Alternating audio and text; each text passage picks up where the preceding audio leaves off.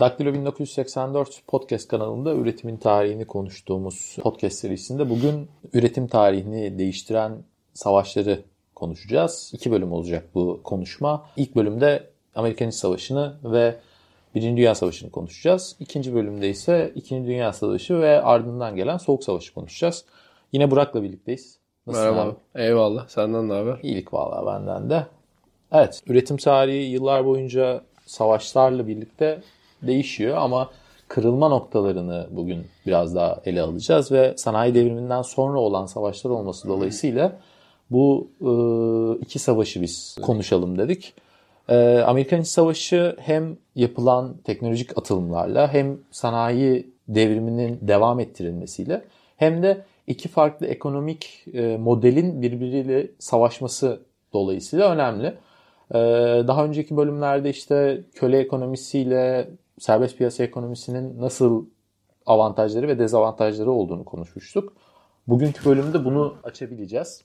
Evet abi 1861'de savaş başladı ama tabii öncesinde de bir e, Amerikan ekonomisi vardı. Bu iş buraya nasıl geldi? Bundan başlayalım istersen biraz. Evet. Ee, şimdi tabii yine e, politik ekonomisine bakalım e, şeye gitmeden önce, iç savaşa gitmeden önce. En e, en önemli şeylerden bir tanesi Amerika'da bunlar artık bağımsızlıklarını aldıktan sonra ilk başta şöyle bir problemle karşılaşıyorlar. Bunlar biliyorsun hani eyalet eyalet bunların ama hepsi state olarak geçiyor. Yani devletler aslında onların hepsi. O 13 tane e, koloni şeyi e, merkezi. E, bu devletlerin kendi arasındaki ticaretlerde bile bir vergilendirme var. Ve bu vergilendirme problem çıkartıyor. Çünkü e, malı pahalılaştırıyorsunuz siz kendi devletinizi fonlamak için. Önce abi adamlar bunu kaldırıyorlar. Yani malın akışını kolaylaştırmak için. Bu tabi e, daha önce İngiltere'de vesairede gördüğümüz büyük bir pazara açılmayı getiriyor yanında. Ee, aynı dönem aynı zamanda o dönemde tabi sanayi devriminin de olmuş olmasıyla birlikte Amerika'nın özellikle kuzey bölümünde bunu ileride savaşın içeriğini konuştuğumuzda daha iyi anlayacağız. Ee, kuzey bölümünde sanayileşme ciddi boyutlara ulaşmaya başlıyor. Ee, en önemli faktörlerden bir tanesi e, Amerika ilk kurulduğunda Merkez Bankası gibi bir sistemi yok. Merkezden yönetilen bir bankacılık sistemleri yok resmi olarak yani tam bir merkez bankası hüviyetiyle e, çalışan merkez bankaları da yani Fed bugünkü Fed dediğimiz şey 1913'e kadar aslında kurulmuyor. Evet hatta ilk dönemlerde Thomas Jefferson'ın vesaire hani bayağı bir ona karşı Merkez Bankası'nın kurulmasına karşı bayağı büyük bir muhalefeti de var. Evet tabii çünkü e, Fed şimdi onların siyasi yapısı içinde state'ler yani eyaletler olabildiğince özerk olsunlar gibi düşünüldüğü için ilk başta kurulurken devlet e, merkezden yönetilen, merkezden yapılan şeylere karşı bir denge mekanizması kurulması çok önemli hale geliyor. Jefferson'ın zaten en büyük olayı da yani budur. Yani evet merkez olsun, merkez olmalıdır, merkez güçlü olmalıdır diyor. E, fakat aynı zamanda da bireyi ve e, aynı zamanda da eyaletleri o merkeze karşı koruyacak denge denetleme mekanizmalarıyla bayağı kafayı yormuş bir adamdır e, Jefferson dediğin. Şimdi bunlar ilk önce bir, bir bankacılık sistemi kurmak istiyorlar. Çünkü herhangi bir şey durumu olduğunda, ekonomik bozukluk olduğunda herkes hemen koşup parasını komple bankadan çekmenin peşine düşüyor. Çünkü ulan mahvolabiliriz diye düşünüyorlar. Çünkü bir garantör yok, bir şey yok. Ee, orada da şimdi bankalar eyalet eyalet olduğu için bir eyalette bir bankada bir problem yaşandığında her yere sıçrayabiliyor. Ee, her yeri etkileyen bir problem ortaya çıkabiliyor ama merkezden de yönetilmiyor bu problem. Bu şimdi ciddi bir karmaşa yaratıyor. Merkez Bankası'na yakın bir national bank dedik yani milli banka mı artık ulusal banka diyelim. Ulusal bankalarını kuruyorlar fakat 20 yılda bir bu tekrar görüşülecek diye 20 yıllık süreçlerle koyuyorlar falan. En nihayetinde 1800'lerin e, başlarında yani 1830'lara geldiğimizde e, Amerika'da şöyle bir tartışma çıkıyor. Ya tamam bu devletlerin, eyaletlerin kendi kendilerinin özellikleri vesaire çok önemli de aynı zamanda da biz büyükçe de bir United States yani bu state'lerin birleşiminden oluşmuş bir devletiz. Buradaki ekonomik stabiliteyi, politik stabiliteyi sağlayabilmemiz için bunları olabildiğince e, merkezi bir merkezi merkezi noktadan yönetilebilir hale de getirmemiz lazım diyorlar. Burada Henry Clay diye bir adam ortaya çıkıyor. Diyor ki arkadaşlar diyor bizim diyor öncelikle altyapıya ihtiyacımız var. Bir e, ulusal bankaya ihtiyacımız var. Bir de e, en önemlilerinden bir tanesi gümrüklere ihtiyacımız var diyor. Yani biz dışarıya mal alırken, dışarıdan mal getirirken, dışarıya mal satarken kontrol edebilmemiz lazım. Biz bu altyapıyı yapalım ama bu altyapıyı yapmak için de kendi cebimizden para çıkartmak yerine gümrük vergileri koyalım. O gümrük vergileri her mala da değil bazı mallara gümrük vergileri koyalım. İçeriye gelen maldan e, aldığımız gümrük vergileriyle biz bu altyapı işlerini hallederiz. Diyor. Ama orada şimdi şöyle bir durum var abi. Hani bir işte bir güneyli olarak düşünerek söylüyorum bunu. Şimdi ben Hı. mesela işte pamuk tarımıyla uğraşan bir adamım. İşte Boston'da da kuzeyde bankacılıkla uğraşan veya işte sanayiyle uğraşan bir dayı var. Evet. Şimdi bir merkez bankası kurduğun zaman enflasyon yetkisini Hı. sen bu adama yani para basma yetkisini Hı. sen bu adama veriyorsun ve bu e, merkez bankasının muhtemelen bankaların da yoğun olduğu kuzeyden adamlar tarafından yönetilecek. Evet. Şimdi beni bu enflasyona karşı koruyacak bir yapı yok aslında. Evet. Bir yandan baktım. Bir bölümü tarımsal üretimle, bir bölümü sanayi üretimiyle zenginleşmiş bir ülke olduğu için orada Merkez Bankası'nın aslında bir sıkıntı yaratmasının mantığı biraz buradan geliyor. Evet. Yani iç savaşa giden yolda Tabii e, bu bu çok önemli bir şey. Güneyliler diyorlar ki ya bizim en önemli mevzumuz dışarıya mal satmamız. Evet. Yani ham madde satmamız. Kuzeylilerde dışarıdan ham madde alıyorlar, onları işleyip çok yüksek katma değerli bir şekilde dışarıya satmaya evet. başlıyorlar. Yani işte şey bugün mesela Avrupa Birliği'nde Merkez Bankası'nın bir sorun olmasının sebebi de aslında yine benzer bir şey. Yani hani hı hı. çok farklı şekillerde para kazanan insanların evet. aynı yerden yönetilmesi bir yerden sonra sıkıntı çıkartıyor. Tabii yani mali politikanın birleşmesi özellikle Avrupa Birliği gibi çok çeşitli ekonomik donelere sahip ülkelerde farklı ekonomik üretimlere üretim modellerine, kapasitelerine sahip ülkelere aynı mali politikanın uygulanması sıkıntılı bir şey. Çünkü bazı yerde piyasaya daha fazla para verilmesi lazım. Orada enflasyon tolere edilebilir bir şey. Evet. Az gelişmiş yerlerde daha fazla Hı. genellikle. Ee, gelişmiş ülkelerde ise işte enflasyonun düşük olması daha önemli. E, mali politika burada bir ortaklık sağlayamayınca problem çıkıyor. Evet.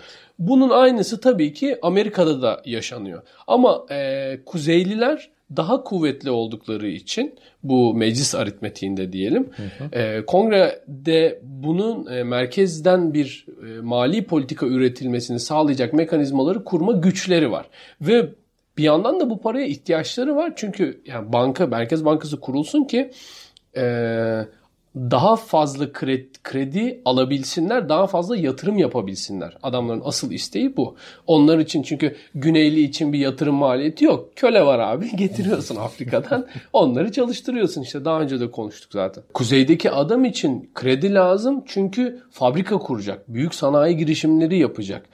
O krediyi sağlamak için ancak böyle bir şeye ihtiyaç var. Ve aynı zamanda bu mali stabilite de sağlayacak e, ülke genelinde. Adamlar bunu kullanmak istiyorlar.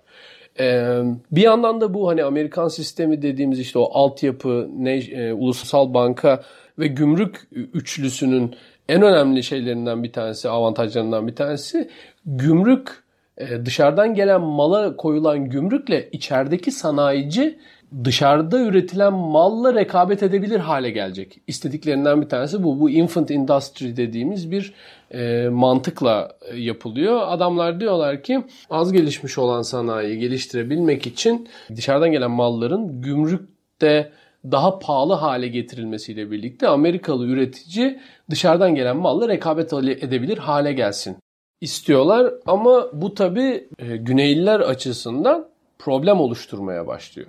Çünkü Güneyli diyor ki ya birincisi siz çok güçlü oldunuz. Sizin takım çok güçlü oldu diyor. Yani Kuzeyliler baya her istediğinizi yapıyorsunuz. Kıllanmaya başlıyor adamlar. Ya bunlar bizi bizi de artık şey mi yapacak? Absorbe mi edecekler? İyice merkezi devlete gidecek biz gücümüzü mü kaybedeceğiz vesaire. Buradan başlayan zaten ekonomik politik bir problem var. Ee, bir de tabii buna e, köleliğin artık yani ideolojik ve hani insani anlamda tartışılmaya başlaması İngiltere'de kaldırılmış. İngiltere millete baskı yapıyor vesaire. Zaten şeyden önce, savaştan önce de kuzeyde birçok e, eyalette kölelik kaldırılıyor hı hı. ve hani köleliğin kaldırılması taraftarları, kaldırılmaması taraftarları arasında büyük bir kavga hali hazırda var. Bunun yanında bir de işte Amerika'da state territory ayrımı var. Bugün hala var o. Ee, o dönem tabii daha etkin hissediliyor. Şimdi belli bölgelerin, yeni eyaletlerin işte eyalet şey yeni e, alanların eyalet olarak tanınması mevzusu açılıyor. Şimdi Güneyliler orada şunu düşünüyorlar. Şimdi zaten hali hazırda biz kongrede sıkıntılı bir durumdayız. Bir de bu yeni eyaletlerden gelecek olan işte senatörler de eğer şey olursa e, köleliğin kaldırılması taraftarı olursa biz yandık. O yüzden sürekli o konuda bir kavga var ve o en sonunda işte ta şeye kadar geliyor işte. Savaşın başlamasına kadar geliyor. 1861'de savaş başladığında e, iki tarafın durumu ne? Biraz onu e, konuşalım. Şimdi savaş başladığı gün Amerika'nın tamamındaki bankaların sadece %13'ü güneyde. Hmm. Yani bu ekonomik olarak bir göster çok önemli bir gösterge. Yine aynı şekilde tabii kredi ihtiyacı vesaire de daha az olduğu için. Tabii. Yine aynı şekilde demir yollarının toplam ülkedeki demir yollarının sadece %29'u güneyde. Bu da işte lojistik açısından ileride hem savaş için hem de işte e, üretim için e, çok önemli bir problem olduğunu gösterecek zaten. Yine aynı şekilde sanayi üretiminin %90'ı kuzeyde. Yani bu inanılmaz bir şey. Müthiş yani. bir dengesizlik tabii. E, ki modern savaşın en önemli problemlerinden bir tanesi üretim. Yani hani siz cephede sürekli olarak kurşun harcıyorsunuz. İşte e, kullandığınız savaş aletlerini bozuyorsunuz, kırıyorsunuz, parçalıyorsunuz vesaire. Bunların yerine yenilerinin gelmesi lazım. Nasıl ki insan kaybettiğiniz zaman onun yerine yeni bir insan koymanız gerektiği gibi e, o insanın eline de işte mermisini, tüfeğini, topunu vesairesini vermeniz gerekiyor. E, toplam bir ülkedeki sanayinin %10'u sadece sizin elinizde olduğu zaman bunu yapamıyorsunuz doğal olarak. e, bir de orada şey var şimdi.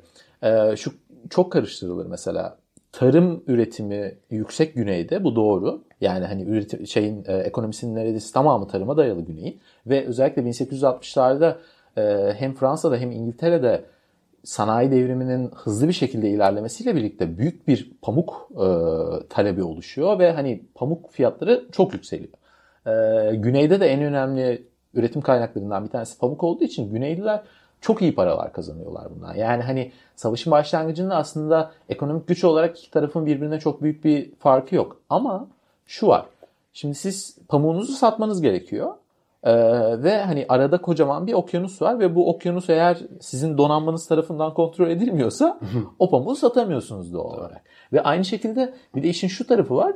Ee, kuzeyde tarımda makineleşme çok hızlı bir şekilde artıyor. Yani e, işte yeni tohum tohumlama makinaları, yeni işte hasat makinaları vesaire vesaire bayağı bildiğiniz bugünkü işte e, şeylerin traktörlerin e, ilkel modelleri vesaire çıkıyor hmm. ve hani büyük alanlar çok kısa bir sürede bu makinalar sayesinde hem ekilebiliyor hem de hasat edilebiliyor. Hmm. E, bu şunu sağlıyor şimdi sen atıyorum bir köyde 100 tane işte çalışabilecek erkeğin var bunlardan 50 tanesi savaşa gittiği zaman sen makinalarla bunun yerini kapatabiliyorsun. Ama güneyde öyle bir durum yok. Güneyde zaten e, iş köleler üzerinden gidiyor ve hani e, sen işte bu kölelerin başında duruyor genel olarak beyazlar.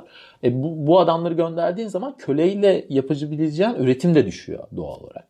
E, aynı şekilde e, şeylerin rakam hani üretim rakamlarına bakıyorsun. Mesela Mısır çok önemli bir e, gıda kaynağı Amerika'da mısır üretiminin yarısını kuzey yapıyor.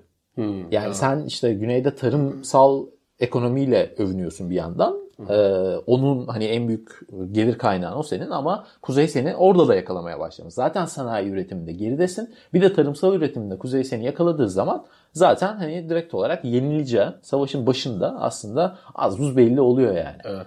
Yani orada Güneyliler e, birincisi askeri yönetimlerine çok güveniyorlar bildiğim kadarıyla. Evet. E, Lee orada çok önemli bir faktör. Hatta şu vardı mesela şey e, savaşın başlamasından birkaç gün önce e, Robert Lee'ye kuzeyin ordularını yönetmesi teklifi geliyor. Hmm, Allah Allah. Robert E. Lee teklifi alıyor ben birkaç gün düşüneceğim diyor. Daha sonradan güneye katılıyor. yani hani baya baya hani güneyin savaş boyunca en önemli komutanı olan adam evet. aslında Kuzeyliler tarafından işte yine aynı şekilde kendi ordularını kontrol etmesi için görevlendirilen komutan olarak isteniyor yani. Hmm, anladım. Peki e, güney ile kuzeyin arasındaki bu hani sanayi farkı savaşta ne gibi bir avantaj sağlıyor kuzeye? Yani tamam daha zenginler vesaire falan da. Şimdi abi orada şu, şu fark var. Ee, öncelikle şimdi teknoloji değişimi savaş boyunca önemli bir faktör. Ee, bu savaştan önce Kuzeylilerin de Güneylilerin de e, kullandıkları belli işte ağızdan doldurulmalı tüfekler var. Bu tüfekler e, yuvarlak mermiler kullanıyorlar böyle işte. E, Bilye gibi mi? Bilye şeklinde. Doğal olarak bunlar çok düşük accuracy'li. Accuracy'nin Türkçesi neydi o? Yani tutturmak zor diyelim. Öyle yani, hani, yani attığın yeri vuramıyorsun abi öyle söyleyeyim. Bu attığın yeri vuramadığın için o dönemki işte savaş e, taktiği şu. 20 kişi diziliyorsunuz. Bir bölgeye ateş ediyorsunuz. Aynı hedefe doğru ateş ediyorsunuz. 15 tanesi vurmuyor. işte 5 tanesi vuruyor.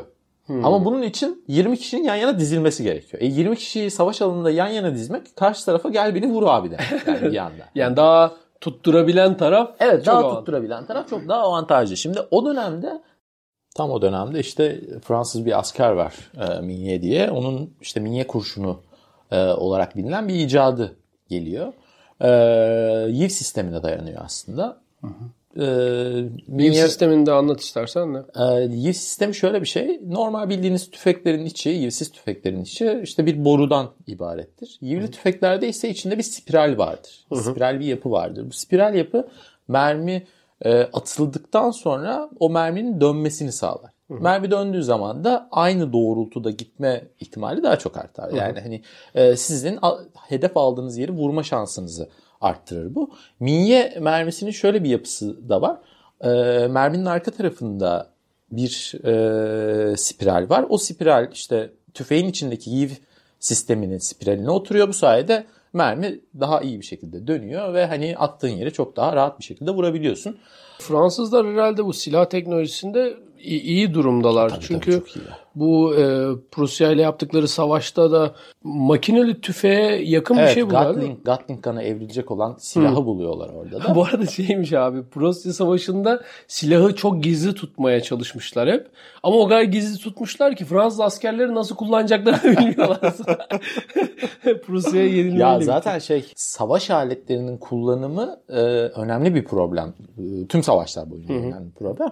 E, hani konudan farklı bir örnek ama mesela işte şeye bakarsan e, Arap-İsrail savaşlarına bakarsan ordular arasında silah yönünden, silah teknolojisi yönünden çok büyük bir fark olmamasına rağmen e, İsrail e, toplumunun daha sanayileşmiş bir toplum olmasından dolayı onlar var olan savaş aletlerini bir şekilde kullanmayı daha hızlı bir şekilde öğreniyorlar. Hmm. Ama mesela Arap toplulukları daha az geliş daha az sanayileşmiş topluluklar oldukları için onlara hani bir işte makinenin bir savaş aletinin kullanılmasını öğretmek daha zor oluyor. Eyvallah.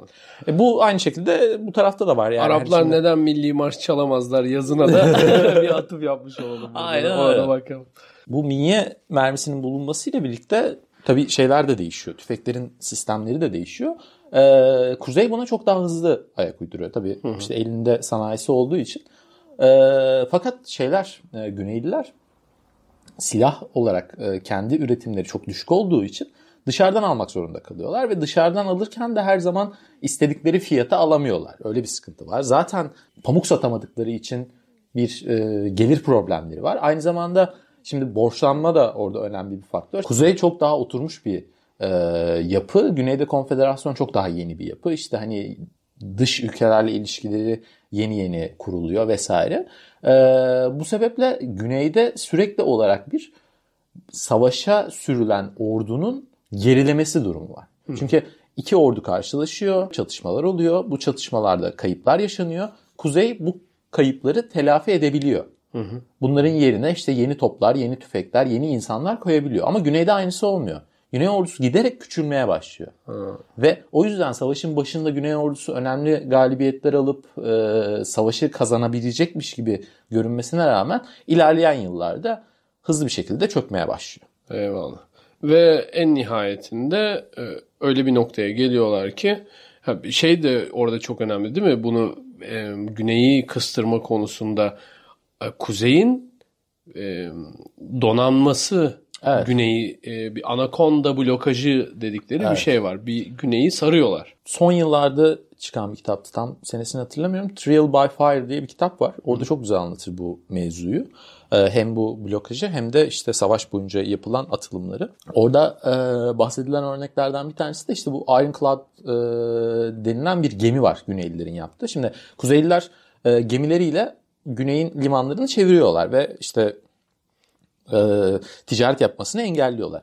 Bu sırada Güneyliler sürekli olarak hani bunu nasıl aşabiliriz diye bir fikir içerisindeler. E, fikir tartışması içerisindeler. Bu sırada işte ortaya çıkıyor bu Ironclad. Aslında Ironclad bugünkü denizaltılarla e, bugünkü demirden yapılmış yani metalden yapılmış gemilerin atası bir anlamda. Güverte üstü çok irtifa olarak çok düşük. E, tamamen demirle kaplanmış. Ee, ve bu sayede işte şey Kuzeylilerin attığı top mermilerinden etkilenmiyor. Yani en azından zararı minimuma indiriyor.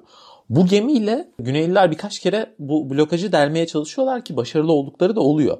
Ama hemen sonrasında Kuzeyliler tabii gördükleri için hani karşısındaki teknoloji hemen kendi demirden gemilerini sahaya koyuyorlar. Hatta bu iki geminin işte bir karşılaşması var. Yaklaşık 10 saat falan birbirlerine ateş ediyorlar. En sonunda hani iki tarafta birbirini yenemediği için geri çekiliyorlar iki tarafta. yani hani Güneyliler burada güzel bir atılım yapıyorlar aslında ama hani tabii işte bu Ironclad'lardan 100 tane üretebilseniz Evet. belki o zaman işte hani bu işte e, blokajı kaldırabilirsiniz ama öyle bir sanayiniz olmadığı için e, iyi bir fikir, iyi bir mühendislik ürünü ama işe yarıyor mu? Yaramıyor. Yaramıyor. O- Orada hani gerideki tesislerin önemi hani üretim bandının önemi ortaya çıkıyor aslında biraz. Yani hani siz güzel bir prototip çıkartabilirsiniz ortaya ama eğer onu sürekli olarak üretemiyorsanız onun işte savaşın genel e, gidişatına çok büyük bir etkisi olmuyor. Tabii sonrasında e, kuzey tarafı e, Amerikan İç Savaşı'nı kazanıyor. Amerika'da bir birlik tekrar oluşturuluyor. Kölelik kaldırılıyor. Amerika'nın kuzeyinin daha savaş öncesinde zaten istediği sanayileşmenin hızlanması için gerekli olan her şey e, birleşmeden sonra hemen yapılmaya başlanıyor. Evet. Ve artık Amerika tam gaz bir şekilde sanayileşmeye yoğunlaşıyor ve yardırıyor gidiyor diyebiliriz. O zaman şimdilik burada duralım. Ee, bir dahaki bölümümüzde Birinci Dünya Savaşı'nı konuşacağımızı söyleyelim. Ve kapatalım abi. Görüşürüz abi. Eyvallah.